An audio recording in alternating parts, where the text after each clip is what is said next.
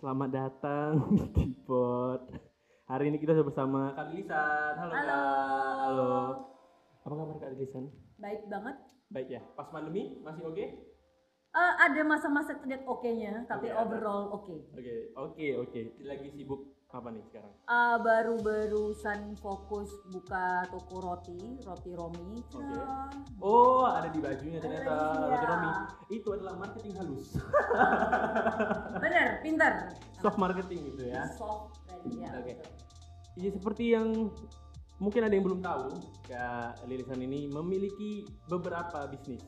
Mungkin boleh di list dulu Kak, bisnisnya apa-apa saja. Oh, Iya kan? ada Brides on 22, terus Oke. saya pernah merintis bisnis wedding planner juga, Mhm. ada healthy foods juga. Terus tapi yang masih yang paling belakangan ini paling aktif eh, kalau ada Brides on 22 masih aktif, Blue Martinis, bisnis merangkai bunga. Oke. Terus ada toko roti tentunya, kemudian ada yayasan juga, yayasan berani bermimpi. Oke. Em, ada Baby Sound 22 juga, ada Kitchen ID juga, dan seterusnya seterusnya. Oke, mungkin editor boleh kasih subtitle ya. Mungkin saking banyaknya penonton sudah lupa. Gitu. Banyak sekali. Kalisan bisa sebanyak itu emang ada latar belakang dari keluarga yang menjalani bisnis atau enggak atau dari sendiri? Iya, papa saya memang dulu dari dulu seorang pebisnis. Dari sejak saya lahir udah jadi udah jadi Hmm. Udah pebisnis gitu. Ya, pebisnis. Berarti diajarin dari papa gitu. Bukan diajarin sih, lebih ke auto aja ya. Oh, ngikutin alurnya aja gitu Iya, dari keluarga dan- bisnis gitu. Heeh, dan memang dari kecil eh, tanpa disadari memang pengennya itu jadi businesswoman lah Oh, bahasa awamnya Oke, businesswoman. oke. Berarti nggak ada direncanain gitu kayak, oh aku ingin jadi businesswoman kayak ya udah jalanin aja. Ternyata ya jadi businesswoman gitu. Ya jalanin aja pokoknya. Oh, oke just go with the flow berarti ya. Just go with the flow. Berarti memulai semua bisnis gitu juga. Kayak masing-masing bisnis tadi kan banyak tuh Hmm. punya kali lisan.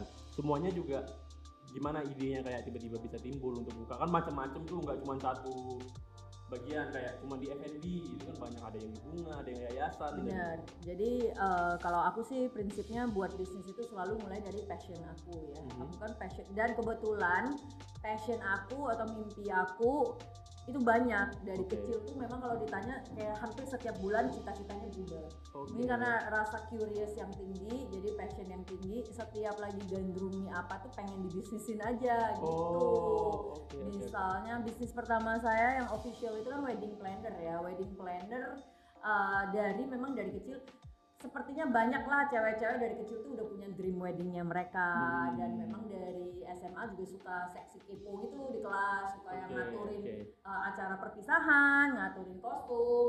Ini everybody can relate lah ya. Nah, Hmm. biasanya aku tuh yang jadi seksi sibuknya. Jadi memang memang udah hobinya di kepo-kepo gitu kan. Berarti si aktif lah ya. Iya. Si aktif banget iya, ya. iya, iya, Oke, bener. oke. Kalau dulu sih zaman aku sih namanya seksi sibuk. Oke. Sibuk ya, tapi menentu nggak nggak tak menentu. Oke. krik krik.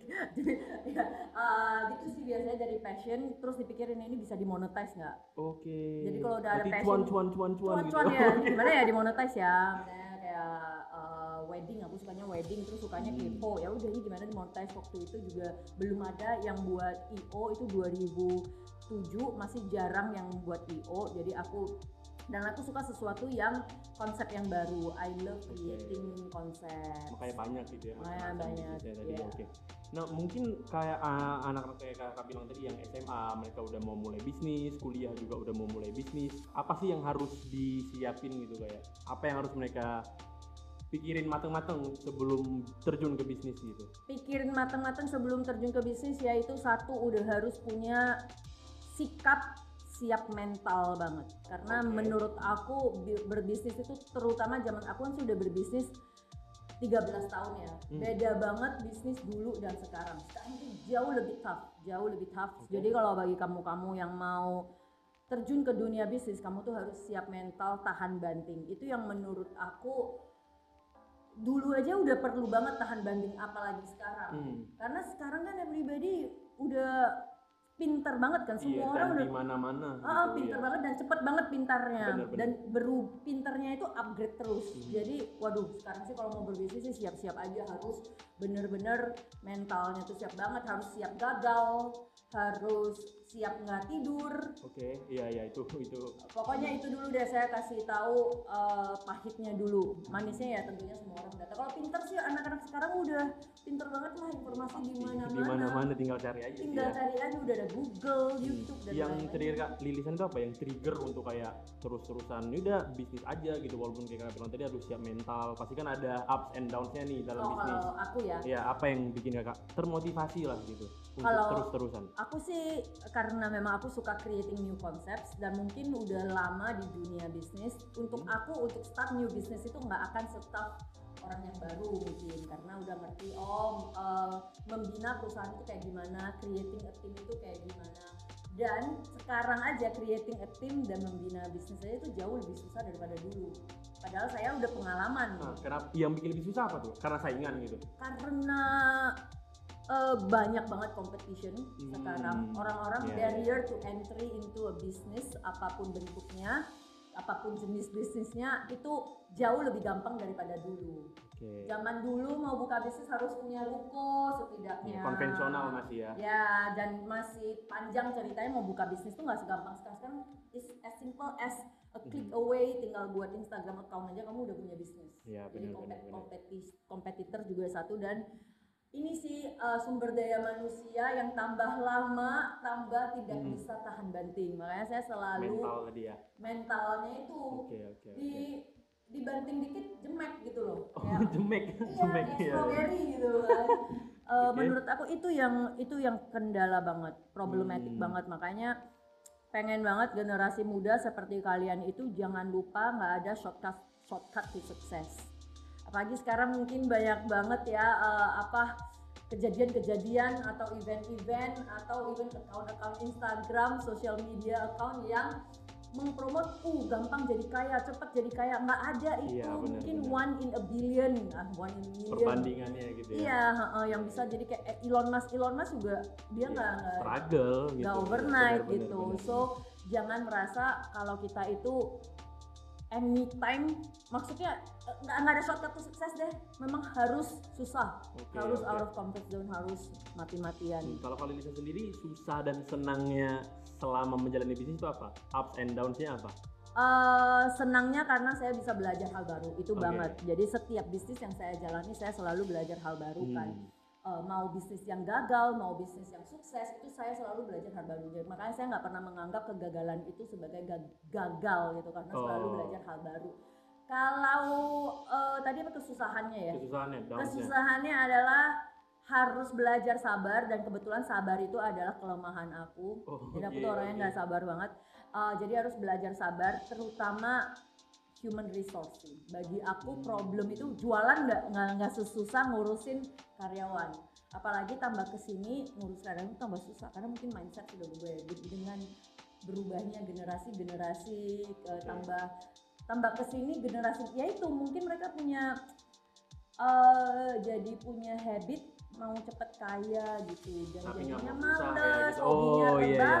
Berarti susah ngaturnya karena mindset mereka tadi ya. iya dan Oke, sekarang oke. kan kegiatan banyak tuh dari satu handphone aja udah bisa banyak banget Semua. Udah bisa banyak main lagi udah game. semua iya Ah, benar udah bisa gitu semua. Nah, jadi harusnya mindset yang dimiliki untuk orang-orang ingin bisnis atau ingin kaya itu apa? Harus mau susah gitu. harus mau susah Se- Selain itu, selain kalau pinter kan udah pasti ya, ya pinter pasti. ya itu Ah, bisa belajar upgrade sendiri. diri lah harus Hmm. upgrade diri terus dan upgrade dirinya harus kenceng nggak boleh pelan-pelan jadi kalau saya kan saya kebetulan kayak contohnya di Brad Content itu saya kan udah uh, mulai mengalihkan ke tim manajemen Mm-mm. kita berusaha sebisa mungkin itu professional management nah di tim manajemen saya itu yang selalu saya tekankan kepada mereka adalah ikutan kelas-kelas kayak webinar aku tuh selalu share webinar ke mereka ikutan kelas webinar, upgrade diri kamu terus. Jadi selalu aku tekankan ke mereka, kamu tuh bukan cuman harus jalan ke depan atau lari, Hmm. kamu tuh udah harus naik Ferrari mungkin. Oke, Karena orang-orang udah lari, kalau kamu bukan naik Ferrari, kamu akan ketinggalan. Apalagi kalau kamu jalan di tempat. Oke, ya ya. Itu analoginya. Jadi yang paling pasti sih harus upgrade diri Mhm. dan siap mental tahan banting. Oke. Karena kalau semua orang melakukan bisnis itu juga nggak sehat untuk ekonomi. Menurut saya. Oh, oke. oke, Jadi ngerti. Kita bisa banyak teman saya yang kerja sama orang ya, bukan Hmm. business owner, tapi taraf hidupnya dan lifestyle-nya itu jauh Lebih. lebih baik yang business Oh. owner. Jadi jangan salah, menurut aku yang harus ditekankan itu entrepreneur mindset, not being an entrepreneur. Itu yang mungkin banyak orang salah pak. Itu menurut saya bisa jadi saya salah Oh, berarti mau di mana pun kita kerja, mindsetnya seperti mindset. entrepreneur, bukan being an entrepreneur. Berarti. Ya, Oke, jadi- oke, oke. Dan kalau misalnya kita benar-benar pengen jadi entrepreneur, itu udah harus dari diri kita sendiri. Jangan hanya ikut-ikutan. Ih, aku denger jadi bisnismen pasti kaya gitu. Contohnya kalau misalnya, aku kan sering TikTok live tuh di TikTok. Oke. Sering aku ngadain live tuh banyak pertanyaan kan itu anak-anak suka nanya kan. "Eh, tante gimana sih? Eh kalau di TikTok manggilnya tante.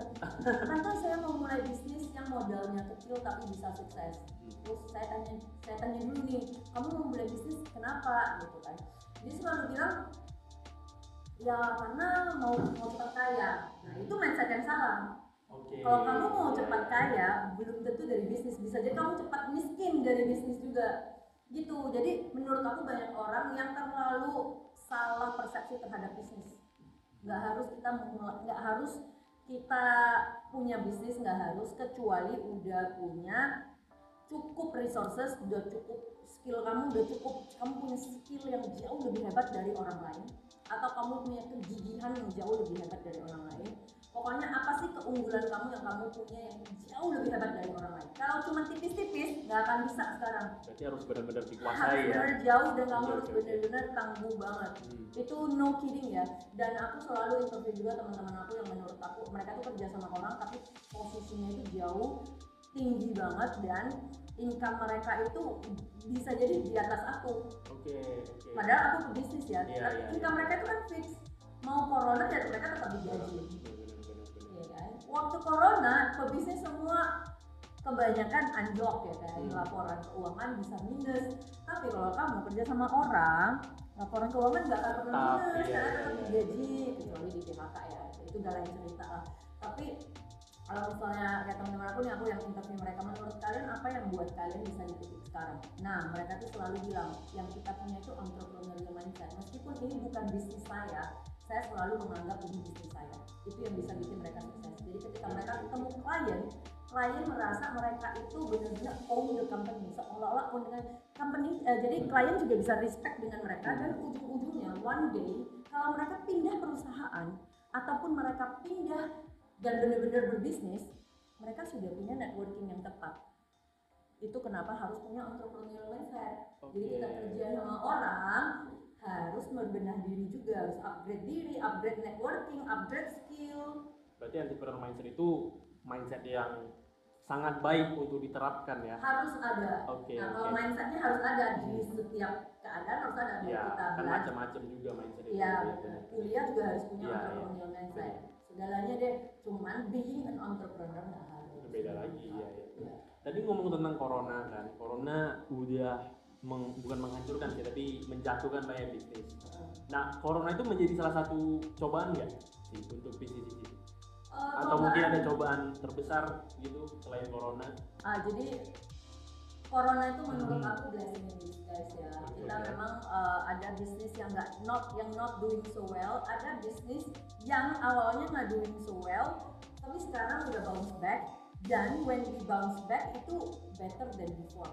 And we Oke. are more solid team karena kita udah sama-sama mengarungi Susah Iya bareng-bareng. udah Iya, susah iya, iya, iya. bareng-bareng dan udah pernah shock kan. Kadang menurut aku memang orang-orang itu perlu shock dulu. Jadi mereka tuh sempat shock waktu baru-baru uh, kena covid. Ya. Ini kan unprecedented, nggak ada yang pernah kena covid nih. Jadi bener-bener kaget banget everybody. Terutama kayak contohnya di Breads on 22 kita kaget kan langsung di dunia wedding the first month, the second month langsung zero income. Ya, karena nggak ada yang mau, nggak ada yang jelas, belum jelas juga ke depan tuh wedding kayak gimana Mhm. tapi kita nggak berhenti sih kita tetap keep fighting jadi selama bulan-bulan tenang itu kita do charity Oh, uh, oke, do oke, charity oke. event jadi kita juga nggak nggak idle kita juga build our brand dan ketika udah selesai uh, beberapa bulan itu udah terlewatkan akhirnya kita bounce back dan kita udah mel- melalui so many things together. Jadinya akhirnya sekarang kita aku bisa aku kita itu punya tim yang lebih solid dan mereka juga jadi udah percaya diri itu penting banget terus itu kan satu sisi bisnis nah bisnis Hmm. terus dari sana juga aku jadi aktif di TikTok jadi aktif di TikTok itu Kayak orang-orang ini ya ya kan jadi dan kita tuh jadi mengeksplor dunia baru Iya. yang mungkin sebelumnya kita nggak sempat ngelakuin tapi di sejak itu aku jadi ekspor TikTok dan lumayan TikToknya itu ada engage- engagement dan dapat endorsement dari sana dapat brand exposure juga dapat Hmm. new branding itu lumayan banget sih. So I always believe di setiap krisis itu tergantung mindset kita aja pandangnya gimana. Kalau kita treat it positif nggak usah menyerah nggak usah baper ya memang udah terjadi toh udah terjadi. Yang penting itu gimana kita react terhadap dan rebound dari masalah ya itu. gitu. Belajar aja dan yang penting uh, react kita tuh harus selalu positif harus selalu positif negatifnya pasti ada. Dan kita pasti down pasti down. Hmm. awal-awal dulu pasti banyak deh uh, keluhan dan kesusahan kesedihan banyak banget. Tapi ya tentu aja nggak mungkin kamu selamanya negatif negative reaction towards the event. Iya. jadi ya akhirnya ya udah kita positifin aja lah. Sebelum corona ada masalah yang severe banget kayak bener-bener hampir mengancam salah satu bisnis. Kalau mengancam kebetulan belum, Belum tapi eh, kalau masalah pasti ada ya. masalah pasti Pasti ada, ada, ya, pasti ya. ada kehidupan kita pasti ada masalah nggak usah di kerjaan kehidupan sehari juga Hmm. pasti ada. Makanya sangat penting mindset kita atau attitude kita menghadapi masalah. Nggak usah baper intinya nggak usah baper. Kebanyakan orang itu duluan baper. Kalau duluan baper nggak apa-apa kalau bapernya cuma sebentar tapi masalah bapernya dibawa-bawa ke mana-mana.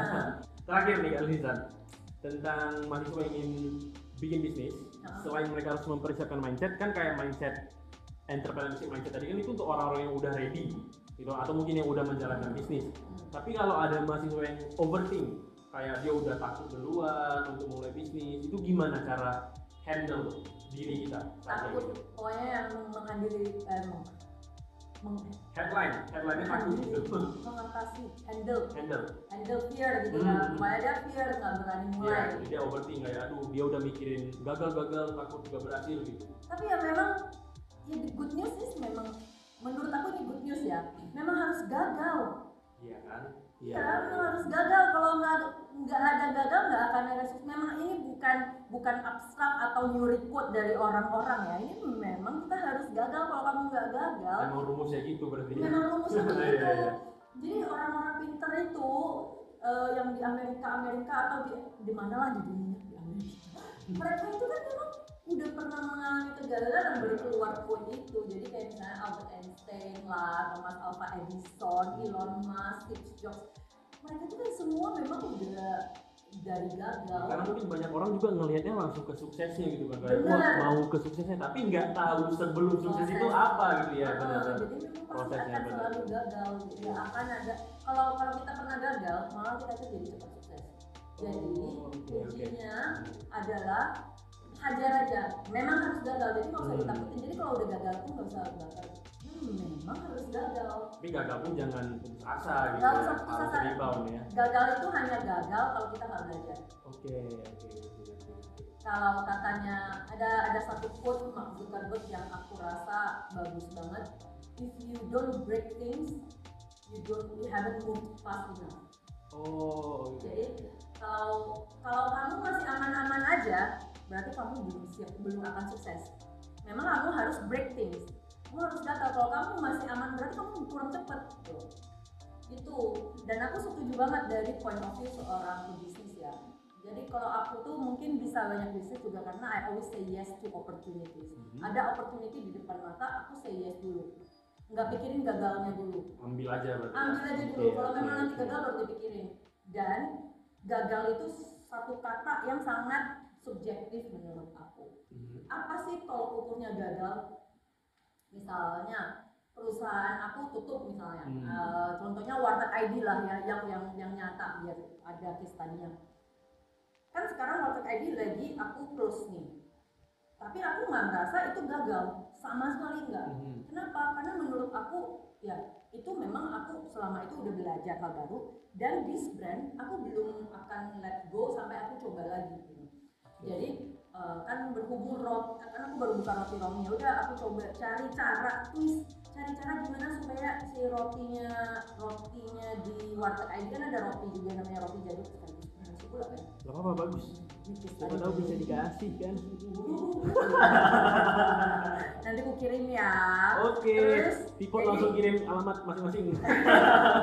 terus dari dari si uh, roti itu aku bawa ke roti romi nah menurut aku kenapa enggak karena memang rotinya itu masih doable Hmm. apalagi masih ny- nyambung dengan roti ya udah aku ambil aja whatever yang aku bisa salvage dari company itu sekarang di, di dimasukin ke roti romi nah one day misalnya kan menurut aku ya udahlah uh, kita fokus dulu di roti. Romi one day memang bisa di dimunculkan kembali kenapa? Enggak gitu. Ya udah nggak usah baper nggak usah sedih sedih berkelanjutan ya, nggak ya, usah ya. overthink jadi kalau misalnya takut gagal memang harus gagal. Jadi nggak usah ditakutin hajar aja. Oke.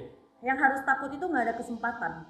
Oh iya benar jadi kalau udah ada kesempatan harus dihajar kamu harus takut nggak dapat kesempatan malahan Biasanya kan pernah dengar quote juga kayak I regret not doing something. hmm, Dan bener. dia dia dia menyesal nggak melakukan apa pun daripada eh, gimana bilangnya ya? ini gitu.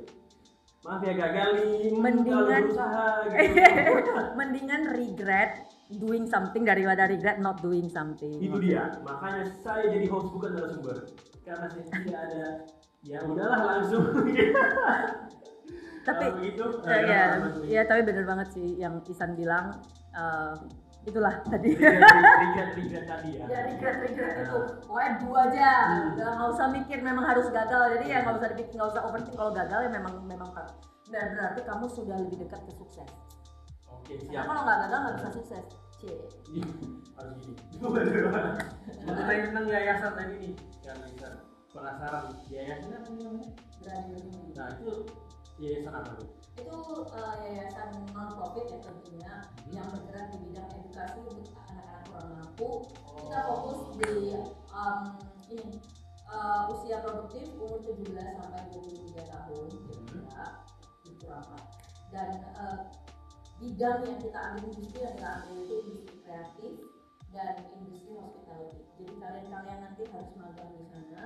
Skill yang kalian pelajari di universitas kalian kalian harus give back to society Oke. Kenapa? Karena itulah tujuan hidup. Jadi kalau kamu hidup hanya untuk diri sendiri, cari duit untuk diri sendiri, nggak akan komplit hidup ini. Seperti biasa sih, kak. Tadi sih kak. ada closing statement dari speaker-speaker kita. Mungkin ada yang ingin kali Lisan berikan untuk kepada tipoders asik. Kalau dari aku, hmm, karena berhubung tadi Isan bilang banyak yang suka takut gagal, overthinking, ya udah nggak usah takut gagal. Kalau kamu nggak gagal, berarti kamu belum siap sukses. Jadi ya memang harus gagal. Kalau udah gagal juga nggak usah baper. Dan selain dari itu juga kalau mau mulai bisnis harus siap tahan banting. Nggak ada shortcut to sukses. Selalu pasti jalannya panjang Itu saja. Itu berarti intinya berani dan hantam teman-teman. Hantam aja. Juga untuk itu saya mau shout out dulu untuk Instagram bisnis dari kita. Uh. Semua Semua, oke. tentang promo. Siapa tahu kan salah satu promo gitu. rotiromi.id yang baru Satu. satu oke Bright on 22 bagi yang mau merit semua keperluan kalian berusahakan Mungkin ibu mau mau merit nanti nanti ibu panik ah. Oke. kecuali dana kawin dana kawin Iya. terus uh, ketiga ada baby song 22 juga bagi yang punya keponakan atau adik-adik lucu yang mau difoto bisa juga juga bisa family foto Oke oke. terus ada. Blue Martinis dari bagi-bagi kamu-kamu yang suka beliin hadiah ke pasangan atau ke ke, ke teman-teman baik. Nah itu semua di Blue Martinis. Sudah ada untuk uh, bisnis rangkai bunga dan mempercantik gift kamu terus ada yayasan berani bermimpi juga bagi yang mau berdonasi. Kalau kamu tidak ma- tidak merasa tidak punya hasrat panggilan untuk mengajar atau politik secara uh, effort bisa juga memberikan dana itu yang paling gampang dan saya yakin semua orang sesimpel sepuluh ribu dua puluh ribu itu juga uh, sangat berarti. Kenapa? Karena saya bukan lihat dari nominal, saya lihat dari mindset dan awareness dari society kita udah mulai effect ke society gitu. Ya itu aja deh. Dan lain-lain. Ya udah banyak lagi bisa cek sendiri di bio Instagram si Denisa nih itu at at Instagram si Ini subscribe saya. Oke. Nah sekarang kita share untuk Grand Hand. Grand itu lokasinya ada di Ruko Center Point Mall. Tepatnya di atas Garden. Untuk lebih lanjutnya bisa cek di link.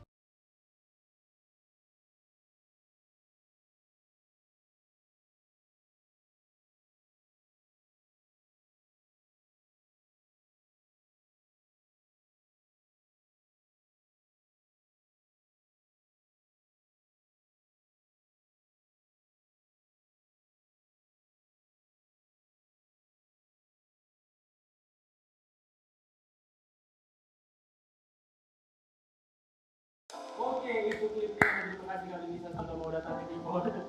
Terima kasih. Terima kasih udah undang saya. Dadah, sampai jumpa di video selanjutnya.